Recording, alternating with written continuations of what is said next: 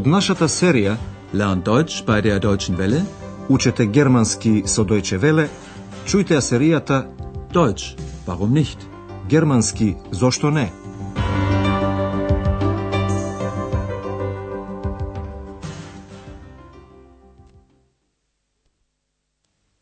Драги слушателки и слушатели, денес ке слушнете шестата лекција од серијата 3 со наслов Тој не го знае својот роден ден? Der weiß seinen Geburtstag nicht? Во минатата емисија ја слушнавте роденденската забава на Андреас. Слушнете уште еднаш два извадоци.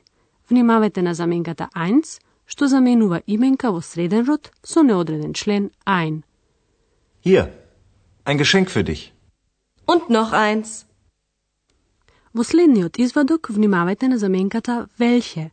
Таа заменува именки во множина со членот die или со негативниот член keine.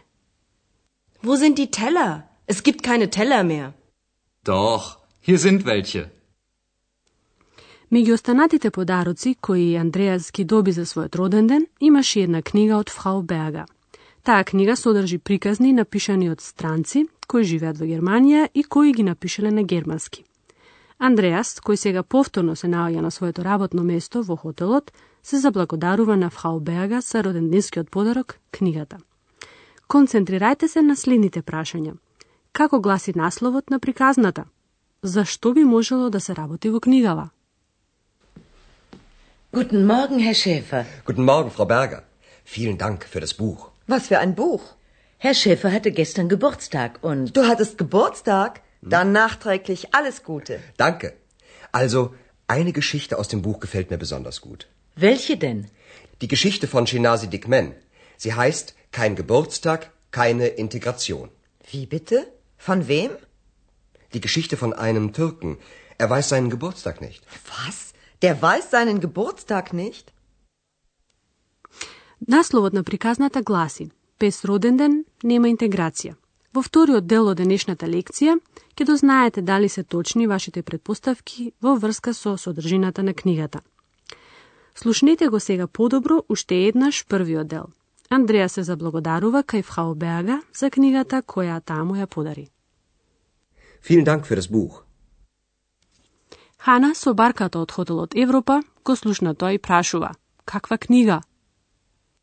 Was für ein Buch? Кога дознава дека на Андреас му било роден ден, таа со задоцнување, nachträglich, му посакува се најубаво. Du hattest Geburtstag? Dann nachträglich alles Gute. Андреас повторно се навраќа на книгата. Една приказна посебно му се допаѓа. Also, eine Geschichte aus dem Buch gefällt mir besonders gut. Тоа ја интересира Фрау Берга. А која? Welche denn? Андреас го кажува името на авторот Шинази Дикмен и насловот на приказната. Без роден ден нема интеграција. Die Geschichte von Shinasi Dikmen. Sie heißt Kein Geburtstag, keine Integration. Тоа е приказната за еден турчин, Türken, кој не го знае точниот ден на своето раѓање. Die Geschichte von einem Türken. Er weiß seinen Geburtstag nicht. Хана не може да замисли некој да не го знае својот роден ден. Was? Der weiß seinen Geburtstag nicht? Како што може би знаете, роденденот и роденденските прослави во некои земји не се толку важни како во Германија. Тоа важи, на пример, за муслиманските земји како што е Турција. Но кога се живее во Германија, какво што е искуството на авторот, мора да се знае својот роден ден. За да го дознае својот роден ден, тој отпатувал во Турција. Бидејќи во хотелот Европа денес ништо не се случува, Андреас има време да ја раскаже приказната. Слушајте и внимавајте од први на употребата на временските податоци како што се ден, так, татум, татум, годишно време, Jahreszeit. Hm, die Geschichte beginnt so. Ich habe keinen Geburtstag. In meinem Pass steht natürlich ein Datum. Aber das ist nicht mein wirklicher Geburtstag. Das ist nur das offizielle Geburtsdatum. Und dann? Dick Man fragt zuerst seine Mutter. Sie überlegt und überlegt. Dann sagt sie, an dem Tag ist unser Bulle verschwunden. Und sie erzählt und erzählt von dem Bullen. Aber den Tag und die Jahreszeit weiß sie nicht mehr. Може би успеавте да слушнете дека временските податоци се поврзани со одредени настани. Слушнете го првиот дел на приказната уште еднаш внимателно. Најпрвен се работи за почетокот на приказната. Таа почнува вака. Die Geschichte beginnt so. Дик Мен прави разлика помеѓу неговиот роден ден, значи денот на кој е навистина роден, и датумот, датум на раѓање, кој што стои во неговиот пасош. In meinem Pass steht natürlich ein Datum. Aber das ist nicht mein wirklicher Geburtstag. Датумот што стои во неговиот пасош е само официјалниот, официеле датум на раѓањето, кој им бил кажан на службите. Das ist nur das offizielle Geburtsdatum. Кога Дик Мен ќе праша својата мајка кога е неговиот роден ден, таа многу ќе размислува. Überlegen. Man fragt zuerst seine Mutter. Sie überlegt und überlegt. Тогаш ќе се сети на една невообичаена приказна која се случила на денот на раѓањето на Дик Мен. Нивниот вол, буле, значи едно многу скапоцено животно, исчезнал. An dem Tag ist unser Bulle verschwunden. Таа многу раскажува за волот, како изгледал и како се случило сето тоа, но на точниот ден на раѓањето и годишното време таа не може да се сети. Den Tag und die Jahreszeit weiß sie nicht mehr. Во понатамошниот тек на приказната, Тикмен ќе праша различни луѓе и ситуацијата ќе се повторува. Луѓето се сеќаваат на настани кои се случиле на денот на неговото раѓање, но не го знаат повеќе точниот ден или пак годишното време. Концентрирајте се на прашањето. Како реагираат Хана и Андреас на оваа приказна? Тикмен Man fragt seine Schwester. Sie sagt, Natürlich weiß ich das. An dem Tag habe ich meinen Mann das erste Mal gesehen. Und sie erzählt und erzählt, aber den Tag und die Jahreszeit weiß sie nicht mehr. Dick Man fragt seinen Schwager. Dick Man fragt seinen Lehrer. Dick Man fragt den Dorfältesten. Alle erzählen eine Geschichte. Aber Dick Man erfährt seinen Geburtstag nicht. Das ist seltsam. Nein, das ist nur anders. Хана се уште смета дека е чудно некој да не го знае својот роден ден. Но Андреас поинаку мисли.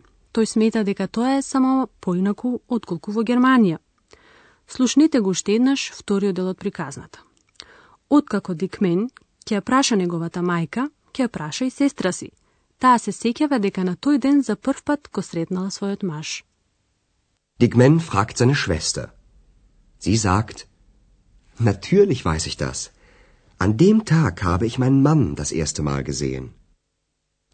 Дикмен потоа го прашува својот зет, швага. Dick Man fragt seinen Schwager. Потоа го прашува својот учител, Лера. Dick Man fragt seinen Lehrer. На крајот го прашува најстариот во селото, Dorfältesten. Dick Man fragt den Dorfältesten. Дикмен ќе дознае многу нешта, но не тоа што го интересира, неговиот роден ден. Андреас вели, сите раскажуваат некоја приказна, но Дикмен нема да го дознае својот роден ден. Alle erzählen eine Geschichte, aber Dick Man erfährt seinen Geburtstag nicht. За разлика од Хана, која сето тоа го смета за чудно, за Андреас тоа е поинаку. Das ist seltsam. Nein, das ist nur anders. А на секаде на светот постои нешто што е поинаку. Сега ќе ви објасниме уште нешто за глаголот и неговите додатоци.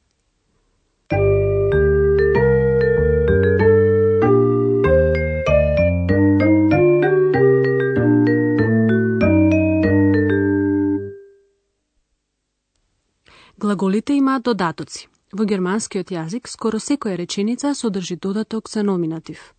Тоа е субјектот, подметот. Слушнете две реченици со додатоци за номинатив. Men и sie. Dick Man fragt seine Schwester.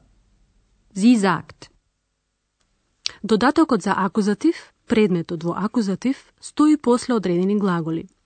Слушнете еден пример со глаголот прашува, fragen, со додатокот за акузатив, seinen Lehrer. Fragen. Digmen fragt seinen Lehrer. Слушнете еден пример со глаголот раскажува, erzählen. Erzählen. Alle erzählen eine Geschichte. После одредени глаголи стои додатокот за датив, предметот во датив. Слушнете еден пример со глаголот топаја, gefallen, со додатокот за датив, mir. Gefallen. Eine Geschichte gefällt mir besonders gut.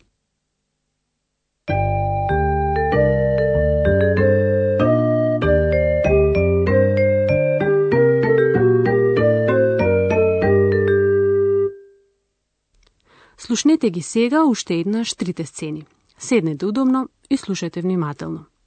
Андреас се заблагодарува кај фрау Берга за роденденскиот подарок.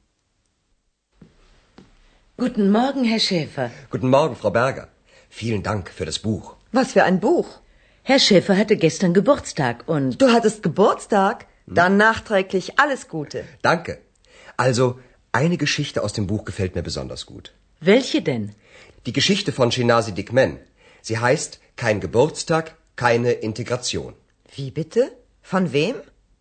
Die Geschichte von einem Türken. Er weiß seinen Geburtstag nicht. Was? Der weiß seinen Geburtstag nicht? Андреас го раскажува почетокот на приказната на турскиот автор Шинаси Дикмен. Mm, die Geschichte beginnt so. Ich habe keinen Geburtstag.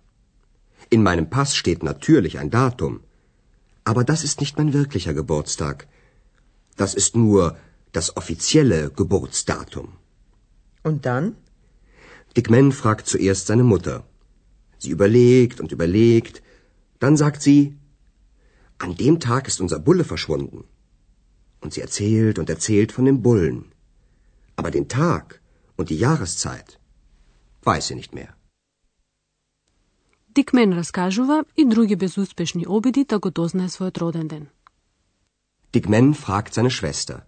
Sie sagt, Natürlich weiß ich das. An dem Tag habe ich meinen Mann das erste Mal gesehen. Und sie erzählt und erzählt, aber den Tag und die Jahreszeit weiß sie nicht mehr. Dick Man fragt seinen Schwager. Dick Man fragt seinen Lehrer. Dick Man fragt den Dorfältesten. Alle erzählen eine Geschichte. Aber Dick Man erfährt seinen Geburtstag nicht. Das ist seltsam. Nein, das ist nur anders. Тоа беше се за денес. До слушање до следниот пат во хотелот Европа. Тоа беше германски Зошто не? Радиоговорен курс на Херат Мезе во продукција на Дојче Веле и на Гетовиот институт од Минхен.